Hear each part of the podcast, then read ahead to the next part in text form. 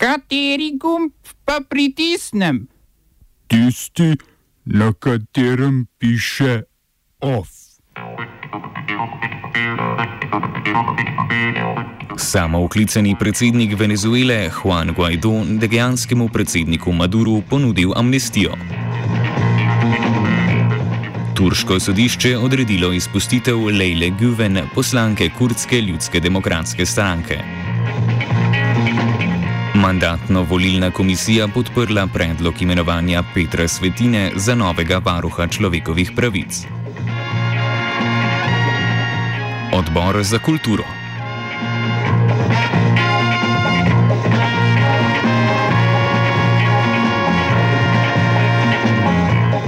Tako imenovana ura do sodnega dne še vedno kaže dve minuti do polnoči, je v Washingtonu sporočila skupina jedrskih znanstvenikov iz neprofitne organizacije Bulletin of the Atomic Scientists. Tako blizu uničenju je bilo človeštvo le še lani in leta 1953, ko je Sovjetska zvezda testirala vodikovo bombo. Trenutno še ni jasno, komu bo ura odzvonila v Venezueli. Juan Guaido, predsednik venezuelskega parlamenta, ki se je včeraj razglasil za začasnega predsednika Venezuele, je venezuelskemu predsedniku Nikolasu Maduru in njegovim ožjim sodelavcem ponudil amnestijo, ukolikor se mirno umak umakne z oblasti. Paul Dobson, novinar spletnega časopisa Venezuela Analysis, pojasni, kdo je pravzaprav je Juan Guaido. Juan Guaido is uh, relatively unknown in Venezuelan politics. Um, a recent poll a week ago uh, said that 81% of Venezuelans don't recognize his name. They don't know who he is. Um, he belongs to a uh, far right political party called Popular Will. And this political party is better known in the world um, for being the party of Leopoldo Lopez. Leopoldo Lopez was a man who is currently serving time in prison for his role in the street violence of 2014. Potem, ko so Združene države Amerike priznale predsedstvo Guaide, je Maduro svojim diplomatom ukazal umik iz te države. Za enakovreden ukrep se je odločilo tudi ameriško zunanje ministrstvo, ki je nenujnemu diplomatskemu osebju naročilo naj zapustijo Venezuelo. Čeprav bo ameriško veleposlaništvo še naprej ostalo odprto, je svoje državljane pozvalo, da tudi sami resno razmislijo o podobnem koraku. Obenem so ZDA zaprosile za odprto zasedanje Varnostnega sveta Združenih narodov, na katerem bi razpravljali o politični krizi v Venezueli. Zato je potrebno soglasje devetih članic 15-članskega Varnostnega sveta. Več o situaciji v Venezueli v današnjem kultivatorju ob 17.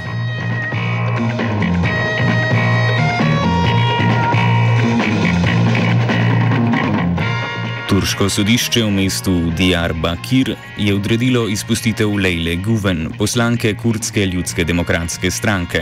Guven so oblasti priprle januarja lani zaradi kritik na račun vojaških operacij turške vojske v kurdski enklavi Afrin na severu Sirije. 5. novembra je v zrak, znak protesta, ker so v zaporu izolirali od leta 1999 zaprtega Abdullaha Eclana, vodjo v Turčiji prepovedane kurdske delovske stranke, začela z gladovno stavko.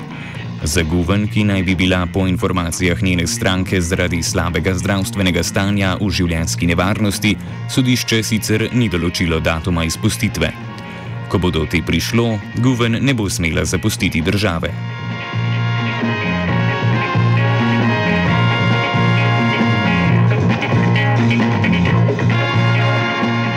Sodniško kladivo je odzvanjalo tudi na Siciliji. Tamkajšnje sodišče je razsodilo, da je italijanskega notranjega ministra in podpredsednika vlade Mateja Salvinija možno obtožiti ugrabitve, ker lanskega avgusta 177 prebežnikom ni dovolil izkrcenja na italijanskih tleh. Ladja italijanske obalne straže Ubaldo di Coti je bila takrat šest dni privezana v pristanišču v Kataniji, potem ko je iz Sredozemskega morja rešila prebežnike iz Eritreje. Salvini je od Evropske unije zahteval, da prebežnikom pomoč ponudijo druge članice. Te sta na koncu sprejeli Irska in Albanija ob pomoči katoliške cerkve. Ker se Salvini lahko sklicuje na imuniteto, je sedaj na potezi italijanski senat, v katerem bodo glasovali, ali se bo sojenje začelo ali ga bodo začasno zadržali. Salvini lahko pričakuje podporo senatorjev lige, medtem ko glasovi koalicijskih senatorjev gibanja petih zvest niso samoumevni. Načelna politika omenjene stranke namreč je, da od politikov, ki so v sodnih postopkih, zahteva odstop.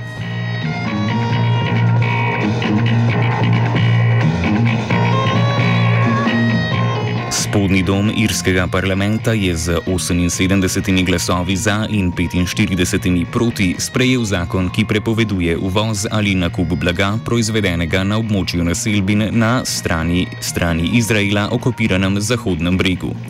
S tem je potrdil odločitev zgornjega doma, ki je v zakonu glasoval decembra. Izraelsko zunanje ministrstvo je zato na zagovor poklicalo irskega veleposlanika Elsona Kellija. Premijer Benjamin Netanjahu pa je dejal, da, citiramo, Irska obsoja edino demokratično državo na Bližnjem vzhodu. Konec citata. Zakon sicer še ne bo takoj stopil v veljavo, saj so predvideni še revizije in sprejem zakonskih amantmajev.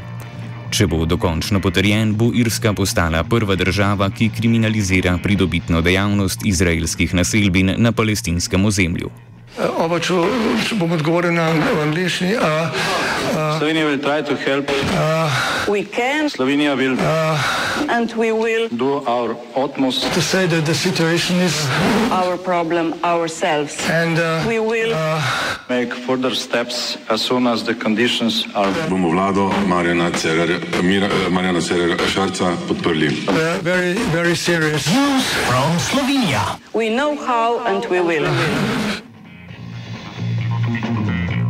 Sindikat delavk in delavcev Ministrstva za kulturo je v javnem pismu predsedniku vlade Marjanu Šarcu zaprosil za zamenjavo ministra za kulturo Dejana Prešička. Ta se je v zadnjem tednu znašel v vrtincu obtožb o neprimernem vedenju in trpinčenju zaposlenih na Ministrstvu za kulturo ter na Ljubljanskem konzervatoriju za glasbo in balet, kjer je Prešiček prej deloval kot ravnatelj. Sindikat delavk in delavcev Ministrstva za kulturo je zapisal, da je Prešiček, citiramo, med sodelavci dokončno izgubil kredibilnost in da človek s takšnim osebnostnim profilom ni primeren za upravljanje javnih funkcij in zato z njim ne more sodelovati. Konec citata.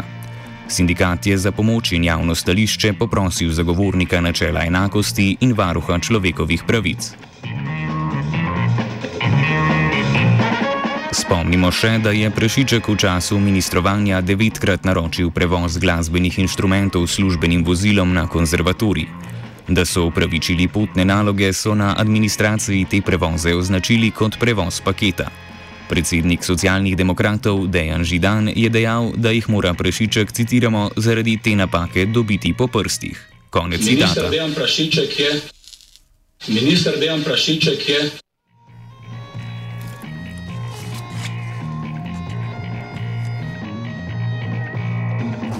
Mandatno-volilna komisija državnega zbora je podprla predlog predsednika republike Boruta Pahorja o imenovanju Petra Svetine za novega varuha človekovih pravic. Za predlog je glasovalo 14 poslancev, proti ni bil nihče. Poslanci SDS niso glasovali.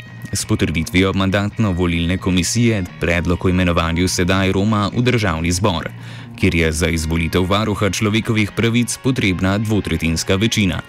Glasovanje bo potekalo v torek na naslednji redni seji parlamenta.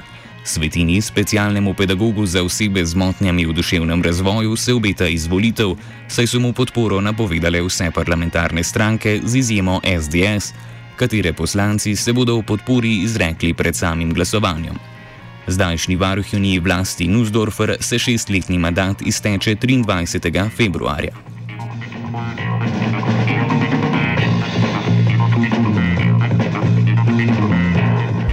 Vlada je na redni seji potrdila investicijski program za izgradnjo drugega tira med Divačo in Koprom, ki ne vključuje mačarskega finančnega vložka v vrednosti 200 milijonov evrov. Celoten znesek naložbe za drugi tir je tako ocenjen na 1,194 milijarde evrov. Po besedah ministrice za infrastrukturo Alenke Bratušek se bo projekt v celoti poplačal iz prihodkov podjetja 2TDK to je izdajatev prevoznikov tovora. Država je začetkom letošnjega leta na določenih avtocestnih odsekih namreč začela pobirati pribitek k cestnini za tovorna vozila, s 1. marcem pa bo uvedla še takse na pretovor v Luki Koper. Uvedba uporabnine za železniške tire je načrtovana za 1. januar 2020. Potrditev investicijskega programa kljub temu ne izključuje sodelovanja Mačarske ali katere druge zaledne države. Vlada mora za sprostitev evropskih sredstev finančno konstrukcijo zapreti do konca.